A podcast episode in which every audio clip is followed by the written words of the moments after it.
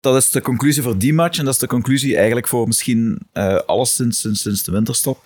Uh, het is gewoon net niet meer genoeg.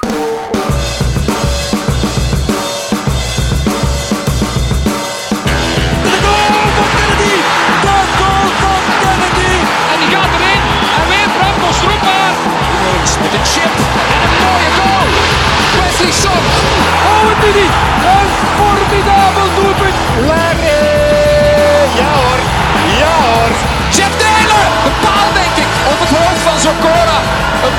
bombardement. En Genk blijft overeind. Samatta. Het is 3-1 voor Racing Genk. Mathematisch kan het nog. De verbale strohalm met de breedte van een visdraad, balancerend op dat minuscule evenwicht tussen geloof en naïviteit. Tussen de decibels tegen Union en de collectieve kilte die achteraf door de CGK-arena blies. En tussen incapabel en corrupt. Het spectrum waarop de mannen in het zwart opereren en weigeren om het kwartje aan onze kant te laten vallen. Welke gauwste berekening is er nodig om ons nog de oppergaai te bezorgen? Wat liep er fout in deze cruciale fase van het seizoen? En ben je automatisch een Calimero als je kritisch uh, ja, jezelf uit over de arbitrage? Zet mij dan al maar die halve eierschaal op mijn hoofd. Ik ben er helemaal klaar voor. Uh, we zijn klein, wij zijn klein, zij zijn groot en jullie luisteren naar Turtle Talks.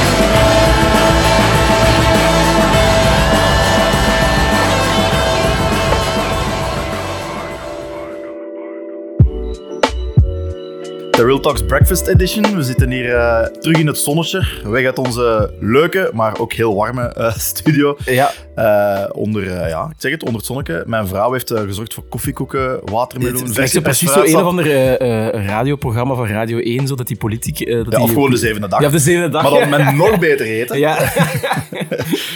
dus welkom heren, welkom Wim. Ja, Lau, zoals altijd ook erbij. Dominique ging normaal gezien ook komen, maar die moest in extremis afzeggen waarvoor uh, alle begrip natuurlijk. Houd ons natuurlijk niet tegen om uh, de Genkse voetbalactualiteit uit te pluizen. En die uh, heeft vele vormen en gedaantes, als, ik het, allez, als, ik, als ik onze pre-talk goed heb geloofd. Ja, inderdaad. Er is redelijk wat veranderd sinds twee weken geleden, toen we de aflevering met Willy Ras hadden ingeblikt. Toen zaten we nog volop in titelstrijd. Had Antwerpen ons net die tik uitgedeeld op de Bosuil, maar was alles nog mogelijk. En ja, twee weken verder en het ziet er wel heel benaard uit. Allee, of we moeten er eerlijk over zijn, het is eigenlijk een beetje over. Um, Waaraan dat ligt natuurlijk, uh, dat heeft heel veel verschillende oorzaken. Daar kunnen we uh, gerust wel wat op ingaan. Maar voor mij persoonlijk, als je me nu zou vragen van heb je het gevoel dat het er nog in zit, dan ben ik eerder uh, geneigd te zeggen nee. En dan hoop ik gewoon dat het, als ik moet kiezen tussen Antwerpen en Union, dat Union het wordt. Ja, ja, ja. Welkom hier. het verdict is al gevallen ja. bij deze. Bedankt om te luisteren.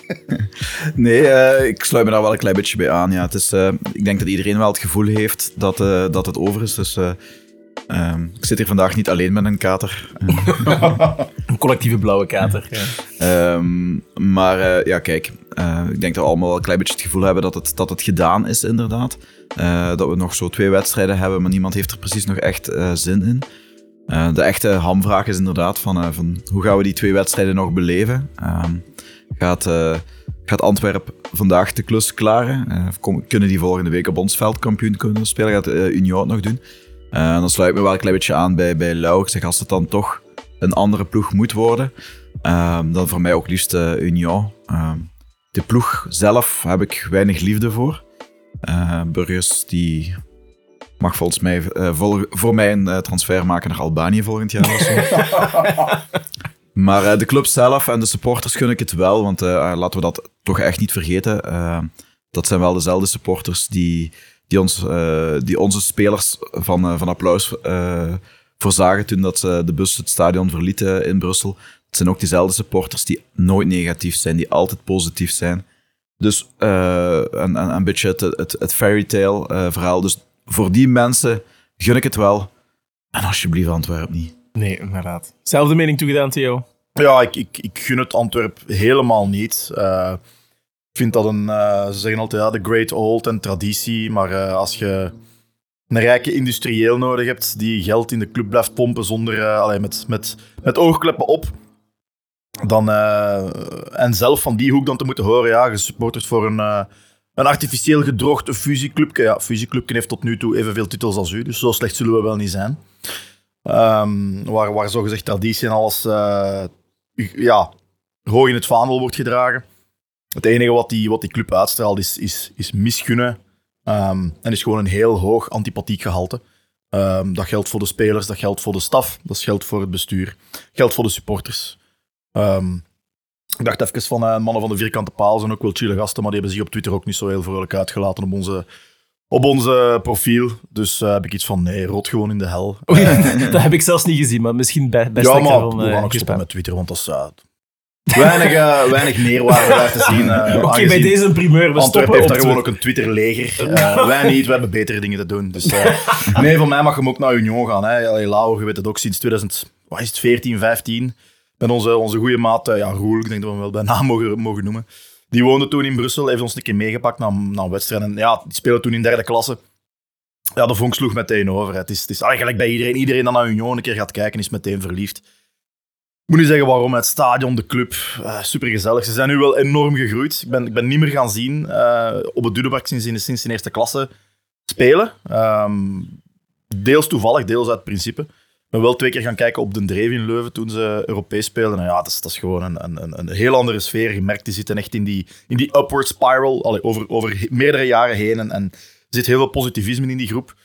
Eh, ja, en inderdaad, je hebt dan van die gasten gelijk Burgess, die... Ja, ze zeggen wel "Oh, een zachtaardige man, maar ik vind dat ten eerste een heel overroepen verdediger. Eh, maar ze hebben wel andere kwaliteit. Allee, bon, Boniface, ik denk elke club loopt de watertanden in België. En, en buiten België om die binnen te halen. Ehm, er zit een hele goede fighting spirit in die Felice Mazou erin heeft gekregen en die Karel Gerards erin heeft gehouden. Ja, je merkt dat is echt een hele grote groep vrienden. Ik wil niet zeggen dat onze kern geen vrienden zijn, maar ja, Ginder spat er echt enorm vanaf. Eh ze zitten ook al meerdere kernen samen en, en, en ze slagen er wel in om, om nieuwe spelers aan te trekken en die dan in dat systeem te passen. En het werkt gewoon en er zit energie in. En ze gebruiken ook een beetje, ah, ik ben daar een beetje fan van uiteraard. Eh, er zijn tegenstanders en voorstanders, maar ze gebruiken natuurlijk dat moneyball-principe. Pakt heel goed uit daar. Ehm, ik gun het ze gewoon veel meer. Het is ook al sinds de jaren 30 geleden, denk ik, of de jaren 50 geleden, dat ze nog eens kampioen zijn geworden. Ja, het is, het is, ze verdienen het gewoon ook veel meer eh, over, over de long run. Ze spelen ook beter voetbal. Het voetbal dat ik graag zie. En moesten wij niet een titelconcurrent ervan zijn, dan zou ik op de banken staan nu voor Union, sowieso. Dus ik kan niet hypocriet zijn. Ik, ik gun het Union ook wel, maar ik doe dat misschien veel eerder vanuit een iets berekendere eh, eh, visie daarop. Ik, ik heb inderdaad vooral schrik ook dat als Antwerp eh, nu kampioen wordt en eh, er zo in zou slagen om de Champions League te bereiken en daar ook nog Champions League gelden naar eh, de Bosel gaan vloeien, dat dat wel een heel versterkend effect gaat geven en dat dat... op, laat me zeggen dat het wel eh, de hegemonie van Club Brugge eh, op korte termijn wel eens kan aantasten. eh, maar dat het ook wel... Ja, Antwerpen is natuurlijk een grootstad. Je, je kan daar wel wat als slokop fungeren, want Beerschot, dat ziet er toch ook maar steeds en steeds benarder uit. Ehm, dus ik denk wel dat, dat Antwerpen alles heeft om een blijvende topclub te zijn. En wetende dat de top in België ook echt wel verstevigt, ehm, lijkt het mij voor Racing Genk, voor de positie van Racing Genk, niet echt ideaal als Antwerpen het ehm, zou halen, terwijl Union eh, wel altijd op zijn beperkingen zal stoten. Eh, het stadion is er één van. De fans, ze zijn nu al met iets meer, maar het blijft in al zijn geledingen wel een, een relatief kleine club. Het gaat toch heel wat jaren nodig hebben voor echt te groeien, voor te groeien en te boomen. En eh, ja, ze zijn er toch ook nog wel echt oh, redelijk afhankelijk ook van, van, Tony van, Bloom. van Tony Bloom, ja, van, van Brighton. En daarvan kan je ook nog wel zeggen, ja goed, je bent ergens ook wel een beetje satellietclub. Is dat heel duurzaam? Ehm, dus kan je de vraag stellen, ja, is dat verhaal van Union wel duurzaam op, laat me zeggen, op een decennium tijd eh, bekijken? Dus dan kan, heb ik zoiets van, dan kan, laat dan gewoon het opportunisme zegevieren en geef hem maar gewoon een Union en laat Antwerp nog maar wat sudderen. Dus is misschien meer de berekende eh, dan de emotionele visie op de kant van de zaak. Ja, ik denk dat dat eh, in het geval van Antwerpen weinig uitmaakt. Eh, ik denk dat Paul Gijsens gaat blijven investeren. En ze zijn nu bezig, ze zijn nu alweer bezig met Daily Blind. Ik bedoel, dat zijn spelers waar wij nog niet aan moeten denken. Dat kunnen wij loonsgewijs gewoon niet aan, of dat willen we ook niet aan kunnen. Dus ik denk dat, die, dat, die, dat, die, dat de mannen in Antwerpen gewoon gaan blijven doordoen en blijven pushen tot ze die titel in de Champions League wel gehaald hebben. Eh, die hebben ook, ik geloof ook wel dat die club op lange termijn inderdaad een, een, eh, eh, iemand kan zijn die, die het Brugge heel het, het vuur aan de schenen kan leggen. Want ze hebben inderdaad het hinterland, ze hebben de supporters aantallen, ze hebben binnenkort het stadion. Dus, maar goed, ik zeg, dat is nog voor mij minder reden dat, die, dat, ik, ze die, dat ik ze die titel misgun, want die zal er uiteindelijk toch wel eens komen. Als je lang genoeg met, geld tegen de muur gooit, dan blijft er ons iets plakken. Maar ja, wat betreft Union, ja, dat zal het heel erg afhangen of ze dat stadionverhaal rondkrijgen. Hè. Ik denk dat als het nieuw stadionverhaal, jammer dat we ook vinden dat het Jozef Maria stadion uh, zal sluiten.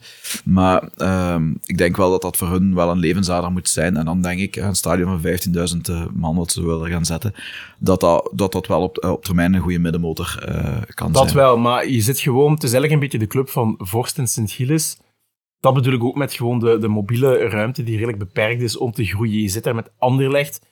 Ja, dat is decennia lang aan traditie. Heeft van zoveel Vlaanderen. RWDM komt nu ook op. Staat sterk in, in Molenbeek dat bedoel ik ook gewoon. het, heeft heel weinig uh, kans om daar buiten echt te groeien. Ja, ik heb uh, laatst een, een tweet uh, gezien. straks misschien eens even opzoeken. dat, het was van een, van een, van een journalist uit, uit Vlaanderen. En daar kwam diezelfde kritiek van. In Brussel is geen plaats voor drie ploegen in de eerste klasse. Dat, dat wel, dat wel. Dat ah, wel. En, want hij, zijn conclusie was ook dat er... hij had dan een aantal steden aangehaald van dezelfde grootte als Brussel.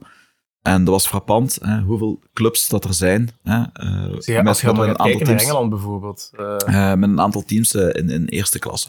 Dus ik geloof er op zich, ik geloof er op zich zeker als ze een ander verhaal brengen dan de, dan de, dan de mm -hmm. andere twee clubs in dingen Anderlecht. Dus de topclub, Molenbeek, dus ook wel, gaat ook wel weer veel jong volk naar kijken, maar een heel ander publiek dan, dan bij Union. En als het verhaal wat ze nu hebben, die gezellige, warme club, als ze dat kunnen -hmm. blijven uitdragen, dan geloof ik wel dat dat, uh, dat dat een bestendig verhaal kan worden. Misschien op een iets lager niveau dan nu, want ik denk dat ze daar nu ook op het einde van een cyclus zitten. Uh, ze hebben vorig jaar de transfer van Nielsen, uh, Nielsen nog heel goed kunnen opvangen. Maar ik geloof nu wel, als er nu een aantal beslissende spelers gaan vertrekken, wat, wat, wat we toch allemaal denken dat het gaat gebeuren, dat ze opnieuw gaan moeten bouwen. En dan is het, denk ik, dan gaat het risky worden of dan gaat het moeilijk worden om terug in de top te gaan. En dat is ook een van de redenen waarom ik in jou heel graag die titel zie pakken. Um, want ik heb zo'n beetje voor hun het gevoel, het is nu of het zou wel eens heel lang kunnen duren van die. Maar goed, ze hebben ons dit jaar ook verrast.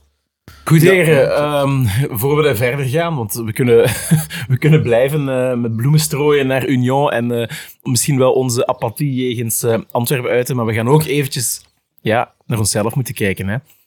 Um, na die winst thuis tegen Club Brugge kon het niet op, we waren lyrisch, we liggen klaar voor de landstitel in de wacht te strepen en nu enkele weken later ja, kijken we toch vooral uh, vanuit die positie als derde naar wat er boven ons gebeurt. Wat is er allemaal misgelopen?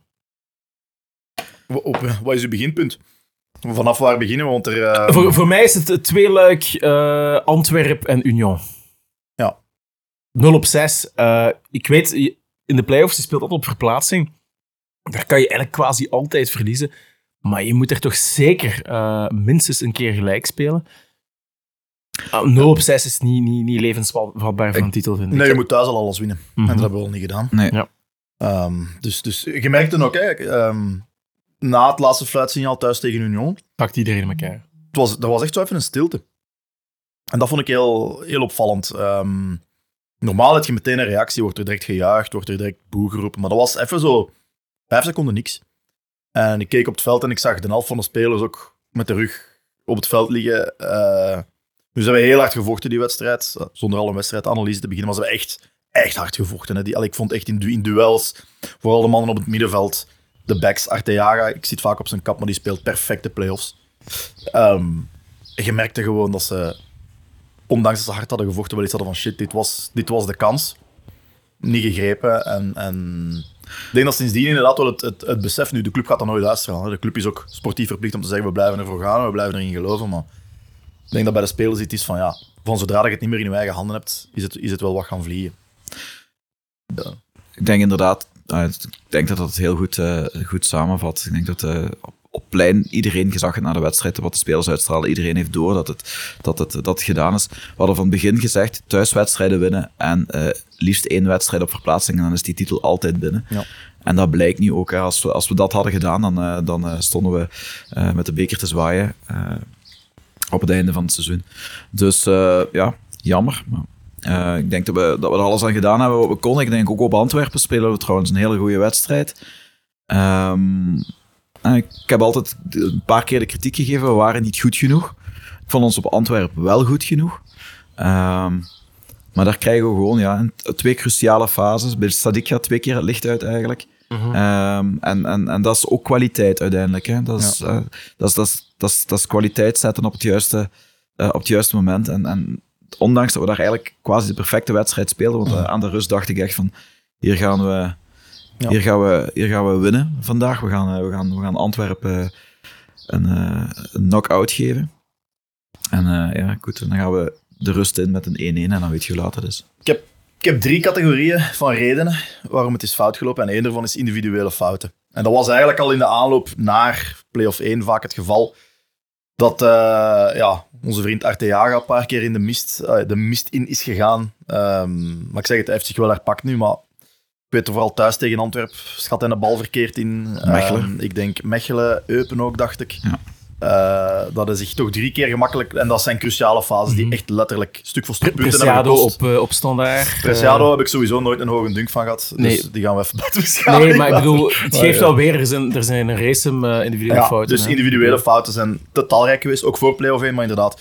In die cruciale match op Antwerpen, ja, Sadik, ik, ik, ik snap nog altijd niet. Velen zeggen Maarten had moeten coachen, maar Sadik had zich gewoon anders moeten overdraaien. En dan kan hij Ja. gewoon... Speelde nogthans zo sterk thuis tegen Club Brugge. Ja. En was een schim van zichzelf Absoluut. op de bosuil. Dus volgens mij was dat dan toch eerder een beetje onder de indruk van, van, de, van, de, van de Ja, of, omstandigheden. of gewoon eens een slechte wedstrijd. Dat kan, Ja. dat kan, dat kan gebeuren op, op een cruciaal moment. Want Ja, het- jammer wel. dit was niet de Sadiq die, die, die ik inderdaad de laatste Ja, tijd gezien heb. ik vond hem Brugge, tegen Brugge echt sterk. Ja. Ja. Eh, Uitvoetballen misschien niet zo, eh, niet zo heel goed, maar verdedigend echt een rots. Maar goed, ik heb u onderbroken. Nee, ik zeg het, ja, de, de, de, de individuele fouten waren zeker, waren zeker aanwezig, maar ik denk, hier en daar was er ook een collectief faal. En dan verwijs ik vooral naar de uitwedstrijd op Union. Dat was, dat was verschrikkelijk. Dat was precies echt, en mijn excuses voor de staf, die misschien luistert of niet, dat was precies of dat John van den Brom weer aan het toer stond. Hè. Dat was, er zat Ja. niks, niks, maar echt niks in. Hè, in Nu, wat, ik, eh, wat ik gehoord heb eh, van die we- wedstrijd is dat eh, zowel de spelers zoals Unions, spelers van Genk, die eh, wedstrijd gevolgd hebben in de catacombe van, eh, van, eh, van het stadion van Union. Een enorm En- aangeslagen. Eh, en dan eh, valt, valt op laatste die goal voor Antwerpen. En ze waren echt enorm, enorm aangeslagen. Ja. En eh, de technische staf had blijkbaar al gezegd, eh, of het physical coach, ik weet niet meer van wie ik het juist gehoord had, eh, zeiden van, we wisten eigenlijk toen ze het veld opgingen dat het, eh, dat het niet goed kwam. Is dat dan iets wat je als topsporter te boven moet komen? Want ze worden goed omringd. Er zijn de jongens in de staf die zijn heel goed in energie geven, in, in mo- motiveren. We hebben een mental coach, al dat soort zaken. Maar- dat die daar toch niet tegen opgewassen zijn? Of is dat des mensen zoiets? Je moogt, je moogt niet vergeten dat we uiteindelijk ook nog een vrij jonge groep hebben. dat en dat is, daar is Union bijvoorbeeld dan een stuk sterker want die waren evenzeer eh, eh, aan het ijsberen in, de- in, in, in de gangen eh, onder het stadion. Dus Blijkbaar, ik, ik heb nog telefonisch contact gehad met iemand eh, van het bestuur dat blijkbaar O'Loughlin, eh, die hield het echt niet meer, blijkbaar. Die was er echt aan het ijsberen tegen het muren en de plafond op. Dus, maar bij, misschien het grote verschil dat bij Union slaat de stress dan misschien wat meer toe in de omkadering, omdat het voor hen allemaal, allemaal nieuw is, maar de spelers zelf hebben uiteindelijk wel gewoon gedeliverd. Hè. ja. Ja, want ja, Union... Die zullen, ja, Oké, laten we ervan uitgaan inderdaad dat dat dan eh, allebei een mentaal tikje heeft gegeven. Maar Union stapt dan dat veld op in een vertrouwde omgeving met het positieve Ja. ploeg erachter, een mooi weertje. Terwijl KRC komt dan in die, ja, tussen hele grote aanhalingstekens, vijandige omgeving. Ik vind de, de su- supporters van Union zijn totaal niet vijandig, in tegenstelling tot anderen. Maar goed, je speelt uit. Ja. En we gespeeld uit. Redelijk klein veld. Ja, we weten al hoe goed dat we zijn op kleinere velden. En dan, en dan eh, volgt, val, valt heel snel die, die eh 1-0 op corner. Ja, en dan, dan zie je inderdaad wel Wim, jonge groep. En dan, dan ja, is de mentale sneeuwbal weer daar, die, die, die groter en groter wordt. En, maar daar, ja, daar is het eigenlijk fout gelopen. Het, collectief falen op Union, was gewoon iedereen was ondermaats. Ik denk dat, er misschien, dat je er misschien twee kunt aanduiden die niet, die niet gebuist waren. Ehm, maar dan ook, ja, ik, ik, ik, ik, ik heb het collectief falen genoemd. Dat klinkt nu heel hard bijvoorbeeld. Hè. Vooral thuis tegen Union wil ik het niet echt hebben over een collectief falen. Eh, er zijn zeker andere factoren waar we straks nog over gaan hebben. Knipoog, knipoog. maar ehm, ja, algemeen het spel thuis tegen Union. ehm, we hebben super hard gevochten. Ik ga het nog eens zeggen. Er is echt in duels, tweede ballen, er is echt gestreden. Maar hebben we niet te weinig concreet, echt concreet doelgevaar. En met concreet Ja. doelgevaar wil ik zeggen een schot binnen het kader waar Maurice zich voor moet strekken.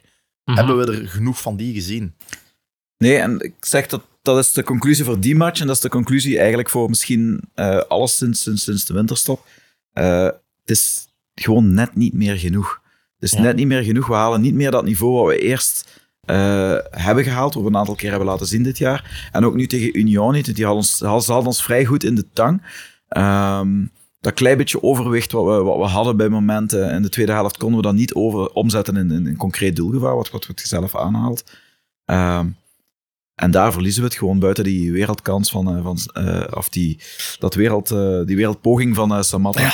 Ja, ja. ja, ja. Oh, was die er nog ingegaan in minuut 92, dan... Uh, ja. dan zat, dan dat is een beetje de, de, anders, de, magic die, die, Dat is- die eigenlijk bij Genk hoort. Hè? We Ja. pakken meestal zo het momentum, dat dat dan net goed valt. En dat is echt tekenend dat die er niet in ging. Dat heb ik nog nooit meegemaakt op Genk, dat op zo'n cruciaal moment het dan net niet gebeurde. Ja. Dat is, of heel weinig toch. Ja, Dus het is- klopt. En tikkeltje geluk enerzijds. En anderzijds, ik denk zoals je het goed aanhaalt, die, die ja, echt deliveren eh, van voor. hè. Je hebt dan eh, Tolu, die een redelijk goede wedstrijd speelde, vond ik. Ja, was een goed aanspeelpunt. Dit zijn taak heel goed. deed zijn taak heel goed, maar je ziet, die is nog niet volledig wedstrijdfit of heeft niet voldoende wedstrijdritme.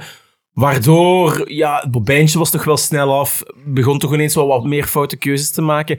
Dus dan, ja, dat is natuurlijk wel wat anders dan Onuachu op kruissnelheid. En Samatta komt in, ook weer verdienstelijk hardwerkend. Wat je altijd kan zeggen van Samatta. Dat is een constante. Maar in die absolute topmatch op leven en dood is dat gewoon net niet genoeg. Daar moet en nu komen eh, ja, terug onvermijdelijk uit bij de persoon in kwestie. Daar moet echt een wereldspits staan. Want met alle respect, ik zou niet zeggen wereldspits, maar altijd een beetje naar Jupiler Pro League normen. Union heeft Boniface. Antwerp heeft uiteindelijk een redelijk slinkse ander type. Vincent Jansen, die we toch wel een beetje uitlachten op het begin van het seizoen. Maar heeft toch wel eh, met zijn kattenpoot een aandeel in heel wat goals. En we hebben daar te lang mee eh, liggen worstelen. En we hebben daar, dat is ook weer die portie ja, ge- geluk dat je dat niet hebt, hè, dat Touli dan uitvalt. Want is die gerodeerd, dan is dat misschien wel jouw eerste spits. Enfin, dat is ook het verhaal van het seizoen. Maar je hebt op die cruciale wedstrijden, waarbij je heel weinig ruimte krijgt van Antwerpen en Union, heb je eigenlijk al wedstrijden lang op rij niet het antwoord gevonden om die wedstrijd echt naar je toe te halen. En dan spreken we over scheidsrechtelijke dwalingen af en toe. Dat klopt zeker en vast, hè, dat komen we straks nog wel toe. Maar dat zijn altijd wel momenten die, die, die vooral beslissen over eerder een, vind ik, een gelijk spel dan verlies. Eerder dan die wedstrijden dus overtuigend winnen. En Union heeft wel 3-0 tegen ons gewonnen. Eh, laat me dat eens even duidelijk stellen. En dat is niet dus. Het komt bij ons altijd op die hele minimale marges aan, waardoor we net ook gaan kijken naar die scheidsrechter, die echt heel vaak in ons nadeel was. Ik wil dat steeds blijven beklemtonen. Maar we hebben nooit, zoals voor de winterstop, voldoende marge kunnen nemen door ons spel, waardoor al die zaken uiteindelijk triviaal bleken te zijn. En dat is het hele grote verschil. Ja, kan, ik leg me daar ook bij neer, bij wat jullie zeggen. Ik denk, ons spel, ik ben enorm fan van de evolutie dat ons spel sinds vorig seizoen heeft doorgemaakt. We zien elementen terug van positional play. Dat zijn zaken dat Pep Guardiola en, en eh, Mikel Arteta met, succes hebben geïmplementeerd bij hun ploeg. En je ziet, ja, ze staan allebei aan top van de Premier League. Ehm, allemaal, er is enorm veel vooruitgang gemaakt, maar ons spel mist nog het korreltje opportunisme dat eh, Union en Antwerpen wel hebben in hun spel. En ik vind een van de makkelijkste manieren om dat aan af te toetsen is gewoon het aantal schoten. Zelfs niet op doel. Hè. Een bal kan altijd afwijken, een bal kan altijd eh, voorlangs gaan. Maar als je dan ziet de manier waarop wij voetballen, wij combineren, wij vinden de ruimtes, er zijn driehoekjes, er zijn positiewissels, er zijn ja, soms, soms met drie man op de kleine ruimte, tik-tak eruit van van achter, mooie pas eh, via de bak, bak, kijken, bak overlap, een 45 richting het halve maandje. Bilal staat daar, die legt dan nog eens af richting Tresor, die wil zijn man voorbij dribbelen, bal kwijt. Je komt drie keer, ik ga daar geen, geen cijfer op plakken, je komt, laat- laten we zeggen, gemiddeld twee keer per aanval. Dat is, nu, dat is misschien wat overdreven, maar in een schietrijke, allez, in een schietrijke kans. Zij het van op 20, 23 En meter. Rozovski kan het, hè. Doet het te weinig. Ja, er wordt gewoon te weinig opport- Gewoon is van, ik heb hier 30 cent, cent allee, ik heb hier een- een paar, eh, een halve meter ruimte, zeg maar. Ik schiet, nee, dan is dan een dribbelke of een hakske. En dat is allemaal mooi om te zien, maar op, er zijn Ja. bepaalde plekken op het veld waar je dat opportunisme moet pakken en zeggen van, fuck it, ik geef er een lel op met de binnenkant van mijn voet. Ik weet dat ik dat kan. Ik heb vertrouwen in mijn eigen kunnen.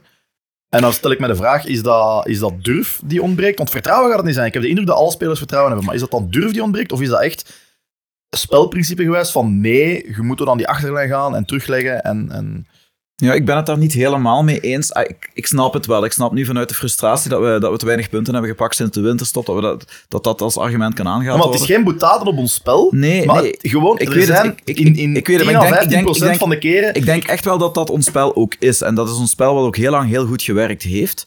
Ehm, om nu opeens anders te zeggen, ja, misschien moet je dan durven zeggen op momenten dat het niet gaat. Hè, we gaan Moet je iets anders proberen. we gaan is iets anders, we gaan Ja. iets anders proberen.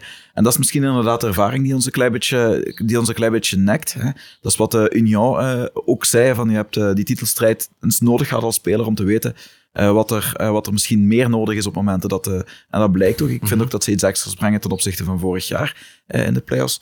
Ehm, dus ik weet niet of ons... Ik, ik denk als we een Onhuachu hadden gehad, hè, en dat weten we allemaal, dan was deze discussie niet nodig geweest. Als we iemand hadden in de 16 die aanwezig genoeg was eh, op die momenten, dan komt die bal wel juist. Dus ik denk gewoon echt dat het... Ja, ik, denk, ik denk ook dat we... Ik denk zelfs ook niet dat we ons spel moeten veranderen. Ik denk ook niet dat we... Dat we ik kan wel zeggen, we moeten wat meer op goal. Ja, ik, ik, ik geloof daar eigenlijk niet in. Ik geloof gewoon als we eh, genoeg kwaliteit hebben, eh zoals we dat in het begin van het seizoen hadden, dan, dan spelen we opnieuw. eh, Maar dat is, dat dat, is net, dat is net Allee. wat je, wat je zegt hebt, Wim. Dus misschien spreek je nu eigen wel, wel, wel een beetje tegen. Je hebt die kwaliteit niet meer. Dus je moet daardoor op zoek naar oplossingen. Mhm. En dan, of dat, dat nu dat opportunisme is, of bijvoorbeeld ook op een middenveldspel bij bepaalde wedstrijden iets potiger waren. Ik vind ook eh, de tandem eh Rozovski en Heine is vaak heerlijk geweest om naar te kijken. Maar in die absolute topwedstrijden, hè, dus, dus eventjes kort samenvatten, wat ik vaak vind bij, bij Rozovski en Heine, is ze zijn enorm goed bij, tegen tegenstrijvers die even goed zijn als ons, of net iets minder, om met een hoge balcirculatie, infiltratie van Heine, eigenlijk de verdediging eh mee zoekt. En dan fungeren ze vaak soms mee als aanvallers. Maar ik vind vaak tegen, tegen potige tegen- tegenstrevers als Union en, eh, en, en tegen Antwerpen, ja, ook klinkt misschien wel heel eh, controversieel, maar moet je eigenlijk een van de twee, vind ik, op de bank zetten, ten faveur van een Aziz bijvoorbeeld, die je mee had kunnen roderen in het systeem, gewoon om van eens te kunnen veranderen. Ik vind, ik vind, ik vind dat daar net, ook op het middenveld, miste ik iets... Hè, want eh, Heine speelde een enorm flatse wedstrijd eh, tegen Union. Dat, dat stond ook overal te lezen. Er, was, er is iets te weinig aanwezigheid, grinta, een, fysieke, een fysiek overtal ook kunnen creëren op dat middenveld tegen een Union en een Antwerp, om daarmee een duel te gaan. En oké, je moet ander voetbal spelen, maar ik vind altijd... Ik vind nooit dat we daar volledig eh, goed eruit zijn Ja, gekomen. deels gelijk, maar ik vind wel specifiek voor het voorbeeld dat je aanhaalt, thuis tegen Union, vond ik niet dat wij fysiek onderlagen op het middenveld. Integendeel, ik denk dat het middenveld van ons was. Ja, ik vond dat ook. En ik, ik, vind, ik ik ben het er ook niet mee eens dat je je moet aanpassen. Eh, we hebben Antwerpen en, en Union, we hebben die weggespeeld. Hè, met, eh, met Heine en met Rozovski in, de, in, de, in de ploeg. We hebben die thuis eh, twee keer hè, tegen Antwerpen, tegen Union, hebben die gewoon weggespeeld Ja, hè, maar, in de reguliere ja. competitie. En, ook, en ook op Antwerpen, hè, in de play-offs, waren we bij momenten gewoon veel beter met dat middenveld. Dus ik, dat, is onze, dat is onze speelwijze. Nee, ik geloof echt wel dat we... Dat we dat, we hebben gewoon op de juiste momenten hebben we pech gehad. En misschien ook net te weinig kwaliteit gehad in eh, onze offensieve, in, in het offensieve compartiment. Maar ik denk dat wij voor de rest... En ik geloof ook wel dat die ploeg niet anders wilt gaan spelen, omdat dat geloof in eigen kunnen er ook was. En het geloof in de spitsen die aanwezig waren, Nali en, en Tode, dat, dat dat bij de ploeg, dat dat vertrouwen er wel was. En dat we daarom niet van het systeem eh, gewijzigd zijn. Achteraf gezien misschien niet de juiste keuze, ja, dat kan. Eh, maar ik, ik, vind oprecht wel dat, eh, eh, dat Wouter op dat moment voor de wedstrijd gewoon de juiste keuzes gemaakt heeft door trouw te blijven aan hetgeen wat we het hele seizoen van Genk al gezien hebben. Waar we al- We zijn toch anders gaan spelen sinds dat Onuachu vertrokken is. Het kan toch niet dat de technische staf geen andere accenten legt met een Samatta in de punt in Ja, plaats ja van maar, maar dat Onuachu. heeft tijd nodig gehad. Hè? Voilà. Dus Samatta trekt ruimte, maakt ruimte. Maar ik, ik, ik vind gewoon dat, dat het moeilijker voetballen is voor Tresor en Bilal achter Samatta dan eh, met een aanspeelpunt natuurlijk. Ja, met een Samatta van heel vaak uit naar... eh, Ja. Dat inderdaad. Hè. Eh, Dus, dus, dus, dus, dus Bilal en Tresor zijn heel goed als ze een aanspeelpunt hebben die dan de ruimte opnieuw vrijmaakt voor hun om mee te infiltreren. Krijgen ze opnieuw een, zee, een boulevard van ruimte om dan Ja, iets mee te doen. En dat is minder. Hè. Samatta moet je in het straatje sturen. Je blijft dan zelf als je meeloopt wat in de tang van 2, 3. Allee, dat is een heel andere manier van voetballen. En, en ja, goed, dat, dat, dat zie je ook gewoon. Hè. Ja. Ook zij zijn minder aanwezig geweest, nadrukkelijk aanwezig geweest in het veldspel dan, eh,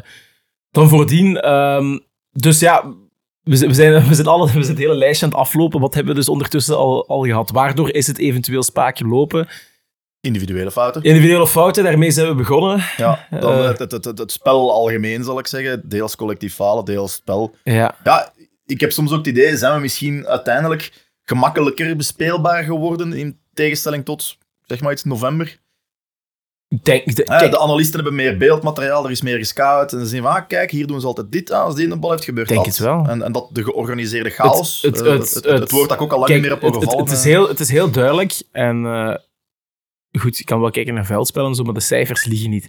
Iedere wedstrijd met een minimale moeilijkheidsgraad hebben wij ofwel gelijk gespeeld ofwel verloren sinds februari. Ja. Dat is gewoon een feit. Dat is absoluut Dus juist. een verplaatsing is een wedstrijd, tenzij je, vind ik, naar Serijn gaat, is een verplaatsing per definitie, ehm, ook al is dat tegen Cercle Brugge of zo, heeft een minimale moeilijkheidsgraad. Dat zijn wedstrijden die Union en Antwerp steeds is blijven winnen, die wij niet zijn blijven winnen. Waarbij je eigenlijk voor aanvang van de wedstrijd kon inschatten, kans is weer groot dat het een gelijk spel wordt. En dan zag je ook weer frustraties ontstaan rond een scheidsrechtelijke beslissing, et cetera. Maar dat is wat ik bedoel, dat daar ergens iets van de, de kwaliteit niet meer was om die wedstrijden gewoon rustig over de streep te trekken met een klinische 0-2. Dat was er niet meer.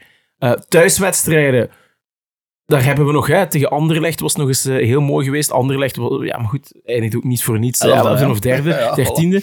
Ehm, dus thuis hebben we dat wel nog gedaan, waardoor, waarom? Omdat de moeilijkheidsgraad voor een thuiswedstrijd daar, ja, daar ligt de benchmark natuurlijk voor hoger. Dat is pas eigenlijk wanneer je een topclub tegenkomt. Een middenmotor thuis bijvoorbeeld, die moet je altijd kloppen. Dus je moet er eigenlijk eens nagaan dat we sinds Gent, dat is onze laatste last dance geweest in mijn, mijn ogen, eh, hebben we dat niet meer kunnen verwezenlijken. En dan, als je dan de play-offs ingaat en je zit met wedstrijden waarvan ze alle zes een hoge, kwalificeren als een hoge moeilijkheidsgraad, want ook thuis krijg je topteams, dus dat is het label mo- mo- moeilijke, eh, eh, ho- hoge moeilijkheidsgraad, dan is de kans gewoon heel groot als je dat berekent, dat je enorm veel punten laat. En dan gaan we nu zo dadelijk naar die eh, discussie gaan over scheidsrechters en zo. Het speelt een enorme rol, maar dit is ook een stukje er hangt ook een stukje wetenschap aan voetbal. Of we het nu eh, graag hebben of niet. Er is iets wat je echt kan berekenen. En dit is iets wat je op voorhand kan berekenen en bekijken. Ik ben helemaal akkoord met die uitmatchen. Laatste uitmatch die we met meer dan één doelpunt verschil hebben gewonnen, want ja, Gent was at the death, hè, zullen we zeggen. Tolu, een heel zalig moment natuurlijk. Hè. Geeft de spelers wel een boost, maar het, het, het zegt wel iets over de kwaliteit. De uitmatch ervoor was Eupen 1-1. De uitmatch daarvoor was Westerlo 2-3. Dat was ook gestreden, gevochten. Hebben we wel verdiend gewonnen. Eh, met die, met die mooie zondagsspel Ja. van Van de Keibus, zullen we ze noemen. En dan die lachwekkende penalty eh, van die fout op Cuesta. Die, ja, allee. Ik ga, ik, ga, nee, ik ga er niks over zeggen. Ehm, dus, eh, en dan daarvoor eigenlijk zijn we met 0-2 gaan winnen op Anderlecht. Wat altijd wel een, mooie, een mooi resultaat is. 13 november, eigenlijk. Nu, het, is, het, is, het is ook niet correct, het is ook niet eerlijk om daar eh, de volledige prestaties aan, aan, aan af te toetsen, maar ja, gelijk gezegd, om, om, om te kunnen spreken over, over kampioen worden, moet je inderdaad wel sommige uitmatchen kunnen winnen met, met iets meer gemak in plaats van Mhm. altijd 110% te gaan. Want ja, je kunt dan zeggen, je moet altijd 110% gaan voor kampioen te worden. Maar als je, als je dan daarna, ja, je gaat verliezen op Kortrijk, je gaat eh, gelijk spelen op eh, Mechelen, je gaat gelijk spelen op Eupen, Mhm. je gaat verliezen op, op Antwerpen, wat je kunt incalculeren, zal ik zeggen. Mhm. Gelijk op Mechelen, gelijk op Sint-Truiden, gelijk op Cercle, gelijk op Charleroi. Dat, dat, dat- Daar, dat zijn daar de- hebben we, daar hebben we het. Daar hebben- in voor mij hebben het in maart hebben we de titel eigenlijk weggegeven. Daar hebben we Ja. de titel eh, verspeeld. Hè. Ik weet nog dat we daar heel lachwekkend rond deden over januari, toen we eigenlijk uitliepen op de concurrenten. Ja. En toen er al gesproken werd van een dip, want oeh, Racing Genk heeft eens verloren. Dus daar werd toen heel lacherig over gedaan. Maar eigenlijk is daarna... eh, Was het nooit een heel felle dip, maar ze hebben gradueel naar beneden gegaan. En merken we pas ineens na anderhalve maand of twee maanden: oh, wat is hier aan de hand? Hoe weinig punten hebben we eigenlijk gesprokkeld? En wat ik ook denk, en dat is ook een soort van mentale factor. Wouter Vanke is volgens mij ook een geweldig pedagoog. Ehm, maar voor die WK-break, je weet wat je in het verschiet hebt. Hè. Sommige jongens gaan naar het WK, andere jongens die krijgen tijdelijk rust. Is als je zo al een serie van overwinningen hebt behaald. En je weet dat je er nog zes finales waarover Wouter Vanke spreekt voor je hebt. En je hebt dat idee nog van, oké, het WK komt erna, er komt een soort van break aan. ja, dat, dat creëert zo'n soort van bijna toernooiatmosfeer binnen de groep van we gaan die ook nog eens pakken en die. En dat, dat werkt ook echt mentaal wel mee om dan die laatste zes matchen ook nog gewoon te winnen. Dat is echt keer op keer. En als je het, de terugronde aanvat, is een stuk van die magie ook weg. Want je weet ook dat je niet een hele terugronde gaat spelen en weer gaat blijven winnen. Heb je natuurlijk ook die perikelen met uh, Po Onuachu. Maar dan, dan is die magie van naar iets toe te streven en toe te werken even volledig weg. Want je begint weer van vooraf aan na zo'n WK-break van pakweg een maand. En dat is ook iets wat je niet mocht onderschatten als je als groep samenwerkt naar een soort van ja, moment waarbij je eigenlijk gaat oogsten. Dat, dat was een eerste oogstmoment. We gaan die zes finales nog uh, winnen. That's that. En ik denk ook dat dat een beetje meespeelt in... in... Nu, ik denk, ik denk inderdaad, als we, hè, wat, wat je aanhaalt, die ja, groot aantal uh, gelijke spelen, als we daar twee van die, twee van die wedstrijden hadden omgezet in, uh, in winst, hè, dan speelden we de laatste wedstrijd altijd voor de, voor de titel mee. En uh, daar, is, daar, hebben we het, daar hebben we het seizoen eigenlijk, eigenlijk vergroot. Ja. We hadden het op een gegeven moment 10 punten voor. Mm -hmm. Uh, dat, we, dat we niet met die 10 punten naar de, uh, naar de playoffs gaan, dat snap ik dan nog. Maar uh, om gelijk met Union te eindigen, dat, was, dat, was, dat was heel erg zuur. en ik denk dat we, dat we daar een klein beetje... We, hebben die marge verspeeld. Ehm, en dan kom je al heel snel in het, in het verliezende straatje. Waar dat de anderen in een stijgende lijn zitten, zitten wij dan in een, in een duidelijke dalende lijn. En ook dat is dan bij een mentale tegenslag, zoals die late goal van Antwerpen, iets wat extra meespeelt. En dat is ja, jammer, man. Goed, uh, daar, daarmee hebben we al een, een drietal puntjes uh, getackeld. Ik denk dat nu een moment aangebroken is. Ah, ze komen hier net de tinfoil hats uh, komen ze hier aanleveren. Ja, en de eierschaal, de halve eierschaal. En de halve eierschaal ooit ook. ik merk op dit moment, ik ga het zo inleiden, dat er twee kanten zijn binnen onze supporterscharen. Twee percepties over een beetje ja, de, de, de teleurgang op het einde van het seizoen. Je hebt enerzijds heb je een klam die zegt, dat zijn de relativisten die zeggen van ja, de kwaliteit was er niet meer, we moeten ons erbij neerleggen. En ze die, die zo eigenlijk op een heel emotionele manier uitchecken van het seizoen, al kijken naar volgend seizoen en het is zo gelopen, uh, we waren niet goed genoeg. Dan heb je anderzijds, merk je ook op fora en dergelijke, heb je uh, een zeer hevige groep ook die, die, die echt uh, denkt dat we bestolen zijn en dat het ook wel een belangrijk aandeel heeft gehad in het mislopen van die titel. Ik wil eens even gewoon aan jullie vragen. Tot welke kant behoren jullie? Een van mijn favoriete gezegden is: de waarheid ligt ergens in het midden. um, dus ik, ik zou me daar ook ergens tussen zetten. Dus ik, um, ik erken volledig, dus ik heb het net ook gezegd, de individuele fouten. Uh, ook qua spel. We hebben net, uh, hoe lang is het? Bijna 20 minuten daarover kunnen babbelen. Uh, we zijn het roerend met elkaar eens dat er inderdaad, Wim zei, dat er eerder een dalende lijn is sinds, laten we zeggen, Gent. Hè, dat dat onze, onze benchmark is. Dat het toch wel qua puntenoogst daar een dalende lijn is en dat er een paar uitschieters zijn. Hè? Bijvoorbeeld het gelijkspel op Mechelen, het gelijkspel op Eupen. Uh, het verlies op standaard. Uh, maar dat is net een hele mooie aanleiding, het verlies op standaard, van dat er een factor is die we echt niet mogen negeren. Ik zeg niet dat we moeten tinfoil heads opzetten en denken aan complotten van uh, een, een, grot ergens onder, uh, onder het uh, complex op de Hoebal de Stropernaam van de Voetbalbond, waar mannen bij, bij een flikkerend theelicht, hoge, hoge hoeden, met bivakmutsen aan of met strak in het pak even de, de lijnen gaan uitzetten en dergelijke. Nee, dat is niet zo. Maar ik denk dat we met een, met een enorm groot probleem kampen op vlak van arbitrage. en dan binnen dat spectrum heb je mensen die zeggen het is onkunde en je hebt mensen die zeggen het is een complot. Ik zit ertussen het is, het is onkunde gecombineerd met scheidsrechters die, hoe hard ze ook denken, of hoe hard ze ook willen, zeggen van ik ben objectief, dat ze een persoonlijke voorkeur hebben voor ploeg A of een tegen ploeg B. Dat is denk ik iets wat ons enorm op de das heeft omgedaan. Hè. Bijvoorbeeld, als ik het nu toch had over Standaard, die, die wisselt toen uh, Sadik, geloof ik, uh, van het veld. Ja. Of, of werd gewisseld. Ja, Achteraf van, ah ja, ik had het moeten zien, sorry. Hè. Dat is van, ja, maar allee, waar zijn we dan eigenlijk mee bezig? En dan dat ga er wel over beginnen. Hè, dat, dat, wekelijks dat stukje forced journalism. Allee, Kim Jong-un zou er trots op zijn. Waar dat er dan uh, een, een, reporter met ja, de scheidsrechters gaat samenzetten. Het is een cringe factor. Enorm hoge cringe factor. Drie dagen op voorhand al gezegd van daarover moet niks zeggen, daarover moet niks zeggen. Die vraag moet je niet zo stellen, je moet die vraag exact zo stellen. Allee, het zal wel niet zo zijn, maar het zal wel enorm gecontroleerd zijn. Waar zij dan nu een riedeltje mogen afsteken.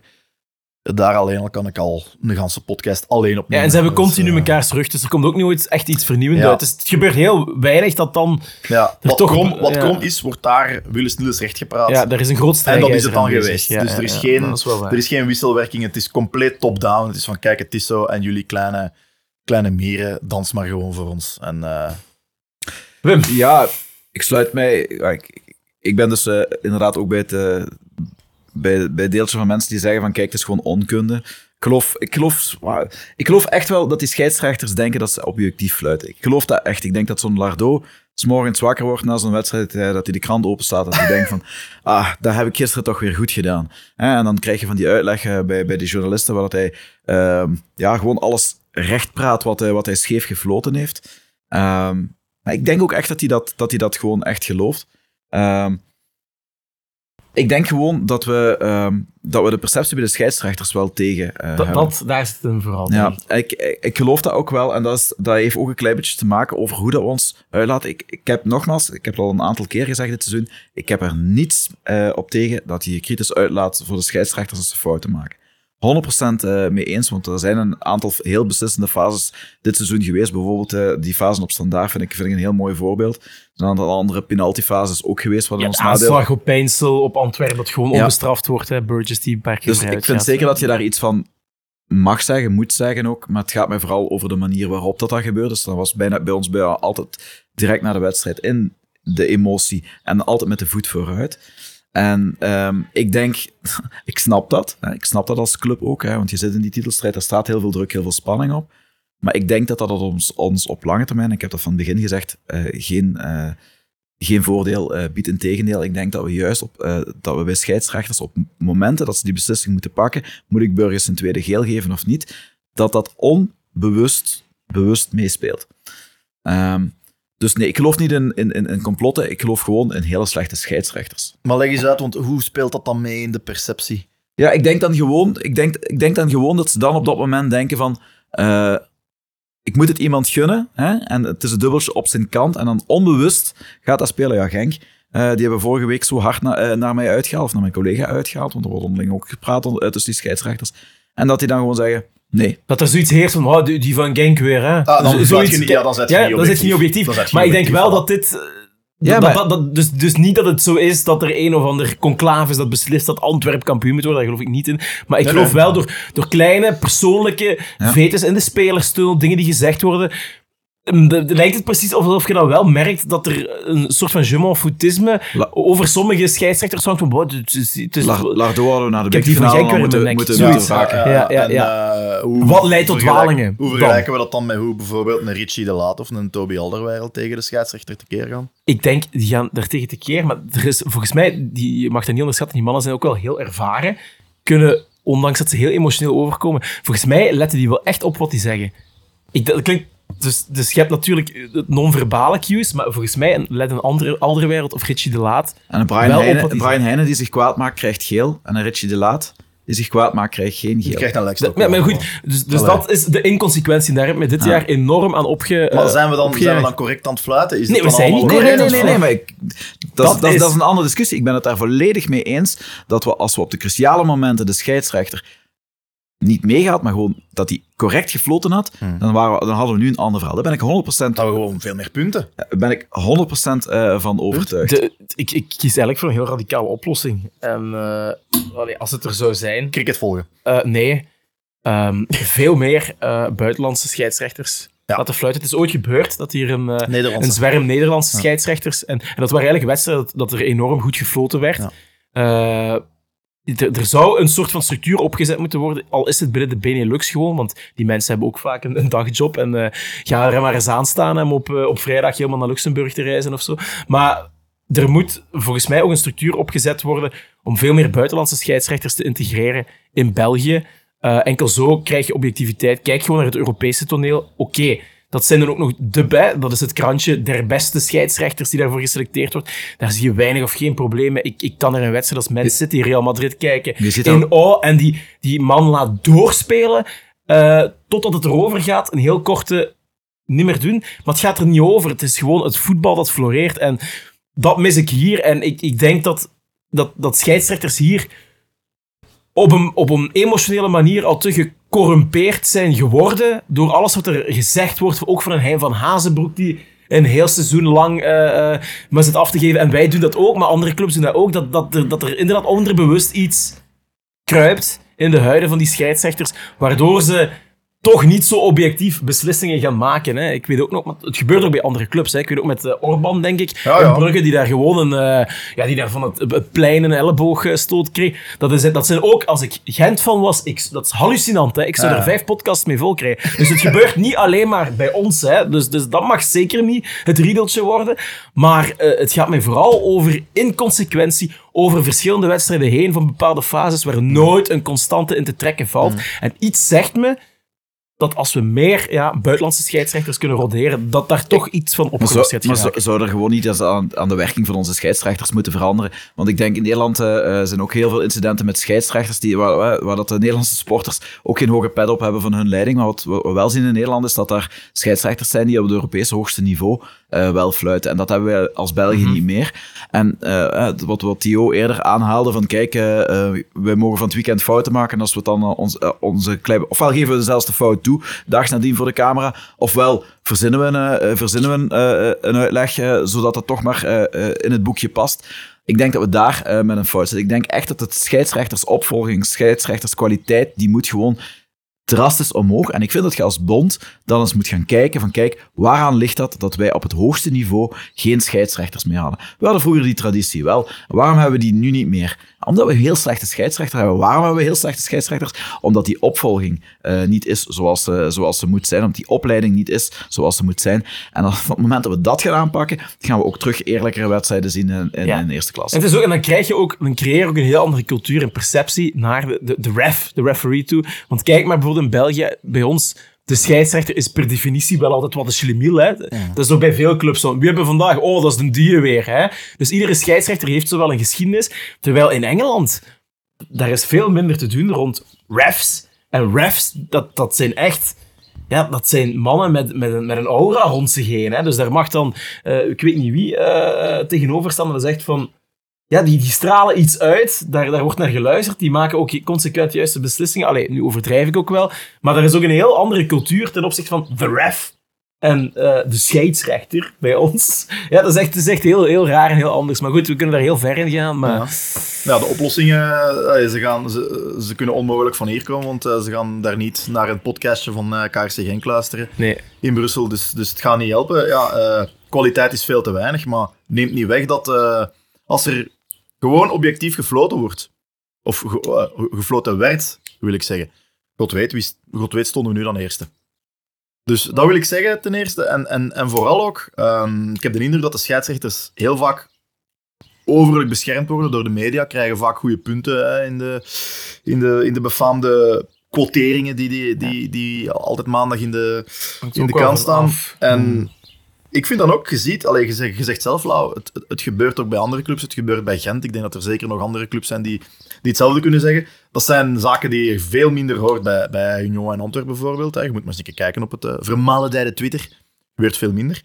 Ehm, ik vind het ook jammer dat als je gewoon kritiek geeft op de, op de, scheids, op, op de wedstrijdleiding, dat je er meteen een Calimero zet, terwijl je heel vaak goede argumenten hebt. Dat geheel terzijde. Maar waarom... De clubs hebben eigenlijk alle wapens in handen om daar eens een deftig debat over open te trekken. Uh, Gent heeft een keer een, uh, een statement gereleased over, over de VAR en, heel die zaken. Uh, Hein zal er ook wel hebben achter gezeten. Waarom doet KRC Genk dan niet? Waarom blijven die stil en laten ze gewoon maar over zich heen trappelen? Er zijn, en iedereen Oh, heeft dat wel gelezen. Op, wel scherp. Iedereen, iedereen heeft dat... Uh, ja, maar nee, ik wil echt zeggen, een officieel statement van de club. Want je merkt ook, en, en wat, wat, wat, wat zeer gevaarlijk is, en, en allee, je kunt zeggen, het zijn maar Facebook-comments, of het is maar in de emotie gezegd op, uh, op fora hier en daar.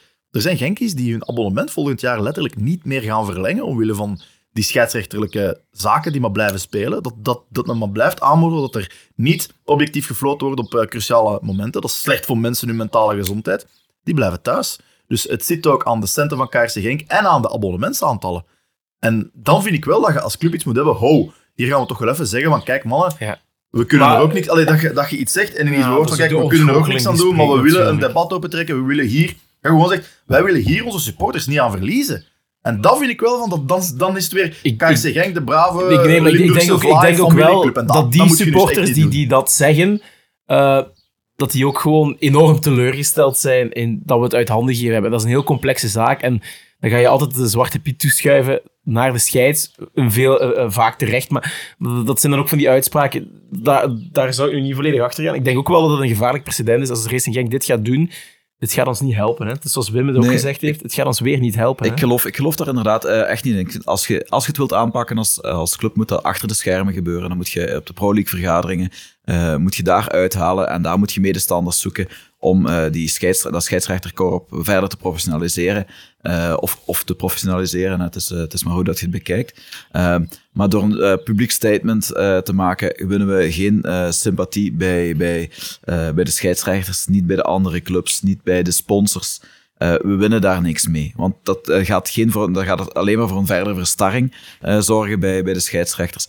En dat gaat niet zorgen voor een oplossing. Dus eh, nee, ik, ik vind we moeten heel hard achter de schermen aan, eh, aan de slag gaan. Daar ben ik het wel mee eens. En daar mag wel met de vuist op tafel eh, geklopt worden. Dan moet je medestanders zoeken. Dan moet je met een plan afkomen. hoe dat we dat concreet kunnen aanpakken. Maar al de rest is, is misschien leuk voor ons als supporter om eens even te horen. Kijk, we laten niet met ons sollen. Maar ik denk dat we daar gewoon niet, niet beter uitkomen. Goed, dat, eh, dat is volgens mij echt nog een discussie die eh, eindeloos gaat, eh, gaat blijven. Ik zou toch heel graag toch wel even het positieve ook willen benadrukken. Is er toch nog een waterkans dat we die titel binnenhalen? Ja, als wij winnen op Brugge, wat ten eerste al heel moeilijk is. En als, Ze missen er wel zeven, denk ik, hè? Club. Zo, zo echt zeven spelers. zou- ja, nee, ik heb ergens gelezen. Zijn onzeker. Je weet natuurlijk hoe dat gaat zijn. Je hebt ook natuurlijk wel de schorsing van Lang nu onder meer. Maar er zijn weer een, heel wat spelers met kwaaltjes. Dus eh, Ja, dat is tof. Ja, je moet het wel nog altijd gaan doen. Oh. Op Jan Breidel gaan winnen. We hebben nog steeds wel die... allee, we hebben het gezien tegen, eh, tegen Antwerpen. Dat is over mijn lijk. Nu, Antwerpen is een beetje hun hate game. Hè, met het eh, wegvallen van ik denk wel dat het Antwerpen iets een minder gaat zijn. Ja. Ehm, dus dus de, ja, hebben ze zich wel extra kunnen, kunnen, op, kunnen opfokken. Je zag, je, zag, je zag het al lang, hè, het, het, uitdagen. Je zag wel dat dat heeft gespeeld. Gaat dat tegen ons ook zo zijn? Dat, dat weten we niet. Dus wij moeten ten eerste gewoon gaan winnen op Brugge, wat al niet makkelijk is. En Union moet gaan winnen op Antwerpen. En dan moeten wij thuis tegen Antwerpen afmaken. En we hebben dit seizoen thuis nog niet gewonnen van Antwerpen. Union Antwerpen een gelijkspel eindigen, denk ik. Moet op een gelijkspel eindigen, voor anders... eh, Anders is het ook gedaan. Ja. Hoeveel punten hebben we achter op Antwerpen? als? Union, als Union wint, is het ook kampioen. Is, eh, staat Union één punt voor ons, dan kunnen we ze niet meer inhalen. Die staan, Dat is, dat is, juist- het moet een gelijkspel worden. het moet een gelijkspel worden en Union moet de laatste wedstrijd verliezen. Ja, dus... eh, en dan kan het nog, maar daar knelt het schoentje, denk ik. Want ik zie ons eigenlijk nog wel, in ons, al, al ons enthousiasme, als het daar een gelijkspel wordt, gewoon Antwerpen kloppen en dat Antwerpen nog derde eindigt. Ik zie het nog echt gebeuren, hè. Dus, dus, maar dan wordt Union wel kampioen. Dus er zijn te veel alsen aan verbonden voor het, eh, voor het te Ik heb halen. ergens gelezen, ik weet niet wat er van klopt, maar dat het eh, wiskundig uitgerekend 3,5% kans is dat wij nog kampioen worden. Ja, kan, hè? Zeer weinig. Ja, het kan, maar het is zeer weinig. Nee. Eh, Het zou het seizoen wel, eh, het zou wel een onwaarschijnlijke het zal afsluiter een zijn. opsteker zijn. Het zou- Ja, er zijn al gekkere dingen gebeurd in het voetbal natuurlijk. Hè. You never know. Dat, we, gaan het, we gaan het weten, hè. zondag om, eh, om half twee. Het Want, ik, ik, het, het, het zou me echt niet verbazen als dat gewoon een gelijk spel wordt. Dat zou me eigenlijk niet Nee. verbazen. Want Union is echt heel goed. En we hebben het ook wel gezegd vooraf. Hè, want we hebben dan die fase dat die penalty ons ontnomen wordt. Ik, ik heb het ook wel gezegd.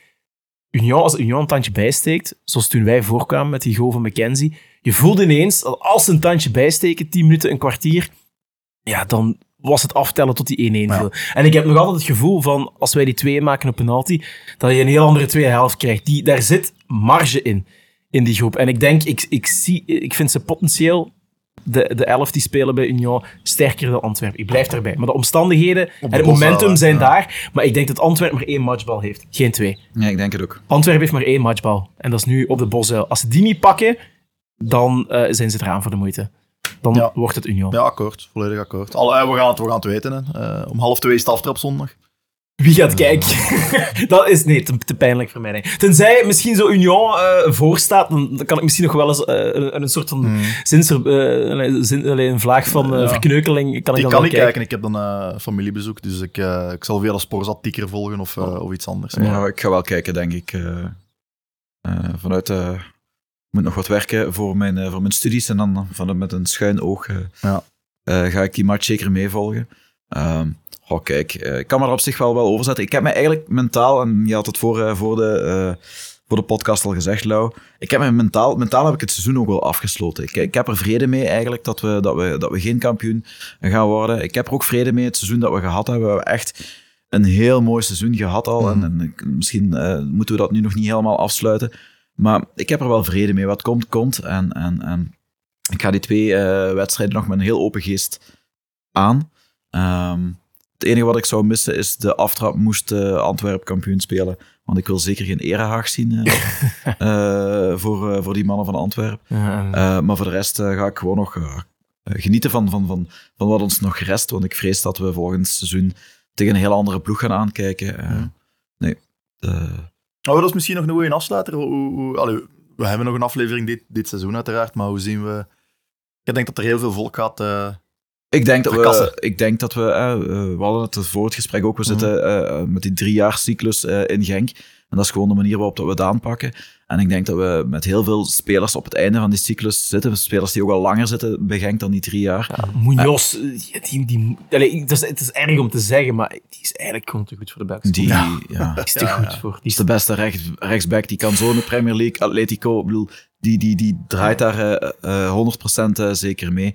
Pijnstelt Resort, die moeten een seizoen verzilveren, denk ik. Eh, dus eh, zo zijn er wel een aantal. Ik zeg het is misschien eh, meer iets om in de, in de laatste podcast te doen, maar ik denk echt dat we nog moeten genieten van, eh, van iedereen. eh, nu, ze- nu ze er nog zijn. waar, zie je, waar zie je een Painsil bijvoorbeeld naartoe gaan?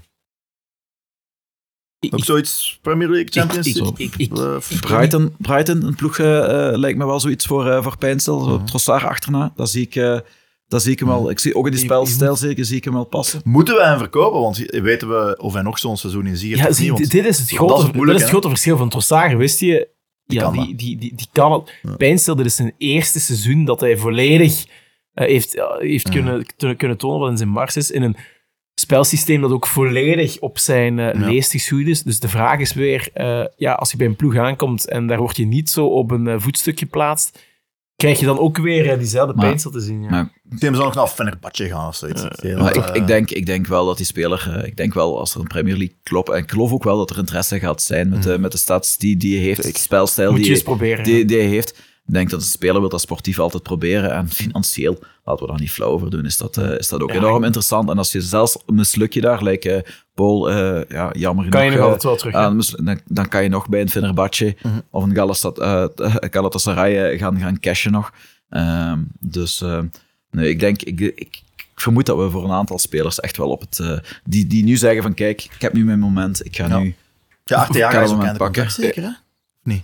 Arteaga Preciado is eh, denk ik einde contract. Arteaga ook, dacht ik. Of, en die gaan ze af laten vloeien. Daar was interesse Zijn, van zijn, Flamengo. eh, ik denk dat ze alle twee niet einde co- contract Ja. zijn, maar eh, voor... Voor mij, voor, voor volgend seizoen, wat heel belangrijk gaat zijn, is... ehm, de kern moet per definitie niet groter, ook al spelen we Europees. Want ik vond de kern in wezen groot genoeg. Maar we zouden iets, een iets grotere variëteit aan profielen moeten hebben, vind ik wel. Hè. We hadden nu al onze hoop gevestigd, ook een beetje op ah, Aziz, die kan eens wat anders. Hè. Dus eh, wat iets meer een, een, een, een, een, een langpotigere eh, speler eh, in het middenveld. Je hebt dan opnieuw zo...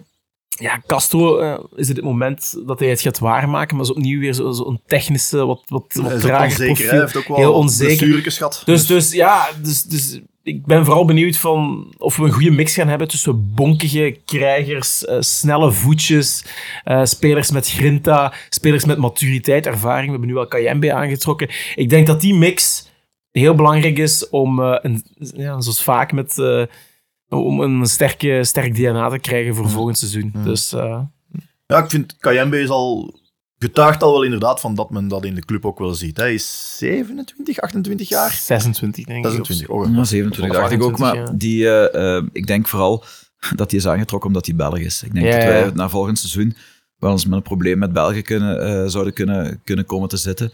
Eh, en het is iemand waarvan je weet van kijk, die, die haalt zijn niveau en eh, Ja, dat is, die stand, standvastig. Was een beetje wat minder bij, bij, bij Charleroi, eh, of wat, wat weggedemster bij Charleroi, want hij heeft bij momenten echt wel heel hoog niveau gehaald. Misschien dat hij in een nieuwe omgeving terug die drive vindt om terug zich wat meer te wegen. Ik geloof daar wel in. Ik denk, vind dat, eh, ik denk dat het een hele positieve transfer is. Ehm, ja, we hebben ook nog wel wat jong geweld wat, eh, wat staat te trappelen. Hè. We hebben eh, Luca Ooyen ook nog. Ehm, Ooyen komt terug. El Canoes gaat waarschijnlijk nog een seizoen blijven. Adnan Abid, niet vergeten. eh, En ik ben ook eens benieuwd, benieuwd voor, voor de jonkies naar de doorontwikkeling van Bangura, die toch ook heel promising was. Maar het komt Ja, ik denk vanuit Jong Genk, Bangura en Geuses vooral zijn wel klaar voor het stapje te zetten, denk ik. En dan ook, ja, daar, Jong Genk is ook van alles gebeurd natuurlijk. Hans Somers en Hans Visser zijn, eh, Hans Visser, liever, zijn bedankt voor de samenwerking. Dat was toch licht verrassend, denk ik. Ik had het niet meteen zien aankomen, dus, dus ja, de, de, was erg verrast door die uitspraak. En dan allebei nog. Terwijl, terwijl ja, Hans Somers toch een enorme verdienste had. Vijf jaar heeft hij mee de, mee de visie van, eh, van, de, van de oudere jeugdteams mee uitgetekend. Afgetekend kampioen geworden in het jaar dat we moesten promoveren, heeft dat gedaan. Ja, en, en ik vond het een heel ondankbare taak wat hij had. Ehm, heeft, Jong, Jong Genk heeft veruit het meeste spelers gefield van, van heel de Challenger Pro League. Ik dacht, in, tot iets de Waas iets toe in de Kouassi. 40. Iets in de Ja. 40 dus Dan kan je geen het is, het is heel moeilijk om je voor te bereiden, want ja, wanneer hoort hij van, ah ja, zeg, je kunt voor de volgende match, eh, ja, je hebt dan eh, de Waast en die, en die moeten dan spelen. Waarom? Allee, eh, hoe bereid je je voor? Hoe, hoe, hoe zorg je voor automatisme? En dan krijg je in de winter een Pi en, en Thomas en, en wie er allemaal erbij? vertrekt. Gods die dan weer vertrekt, die weg neem is. het die vertrekt. eh, Dus- blessures gehad ook. Ja, het is, ik, ik denk zeker niet dat, dat, dat het alleen maar aan, aan, aan Hans ligt. Hoor. Ik denk, ik denk als, als we het over pech moeten hebben, ja, dan moet je eens naar, naar Jong Genk van vorig Ja, ik kijken, heb- want die hebben pas pech gehad. Ik heb inderdaad ook veel wedstrijden van hen gezien waar dat ze echt... ja, in Deinze, denk ik, was zo'n wedstrijd waar die, ze twee, waar die mannen twee corners pakken en twee keer raakkoppen. Ja. En zo, zo, dat was wel een beetje het verhaal van het seizoen. Eh, dus nee, ik denk inderdaad dat hij een heel ondankbare taak heeft gehad, Ja. eh, Hans Somers. Ehm, Ik vind het ik jammer. denk dat er wel lessen uitgetrokken moeten worden naar Ja. volgend seizoen. Ik denk iets meer consistentie. En mag niet vergeten dat die ploeg ook nooit samen trainde. Dus ik denk dat dat, eh, of amper, ik denk dat dat eh, eh, echt wel een werkpunt is voor volgend jaar. Dan krijg je een Want heel vol- andere... Want volgend jaar gaat de concurrentie, eh, nu was het maar één zakker, volgend jaar zijn het er terug eh, eh, twee. Dus eh, ze gaan, eh, of drie zelfs, dus ze gaan volgend jaar echt wel Dubbele oefening voor eh, Dimitri de Condé. Dus, eh, en hiermee denk ik dat we kunnen afsluiten. Dus eh, het was weer eens eh, iets heel anders hè, met de ontbijtkoeken, een stralend zomerzonnetje in een verlengd weekend. En eh, ja, goed, we laten het op ons afkomen wat er gebeurt eh, hier aanstaande zondag. Het is dat. En jullie hebben nog eh één Terrell Talks te goed van ons eh, dit seizoen. Eh, we zijn van plan om iets groots aan te pakken. Helaas kunnen we nog niet veel meer, eh, De langste veel podcast. meer zeggen. Nee, nee, nee. Ah, lang, oké. eh, Nee, ja, dat we- mogen, heel dat is een lang komt, sportpodcast. ja. Nee, nee, dan, dan, dan mogen de mannen van eh, Bink daar, Ja. daar record mogen. Ze hebben toch iets om in die prijzenkast te zetten in Sint-Truiden. Ehm, en ik zou zeggen, we zijn nog volledig in het stadium van onderhandeling, zal ik zeggen. Ja, inderdaad. Dus hou het voor jezelf. en hou onze socials in de gaten. En moest het niet lukken, ja, dan Dan, komt er toch eh, nog een aflevering, maar we zullen zien wat en hoe. Ja, inderdaad. Hoe dan ook, het was de voorlaatste van dit seizoen. Het was de laatste echte panelaflevering, dus eh, Wim, bedankt om erbij bij te zijn. Graag gedaan, zoals Maar steeds. Misschien de voorlaatste, wie weet. En eh, ja, ook aan Dommy, die er niet bij was vandaag. Maar hij was er in gedachten bij. Hij dus was er in gedachten eh, bij. En ook Lau, jij bedankt om er weer bij te zijn. Weerzijds. Dus, eh, Goed, en dan eh, mocht jij uw, uw zinnetje en zeggen. dan zijn we helemaal rrrr rond. Voilà. Meer heb ik niet te zeggen dan. Tot de volgende Terrell Talks. Oh yeah.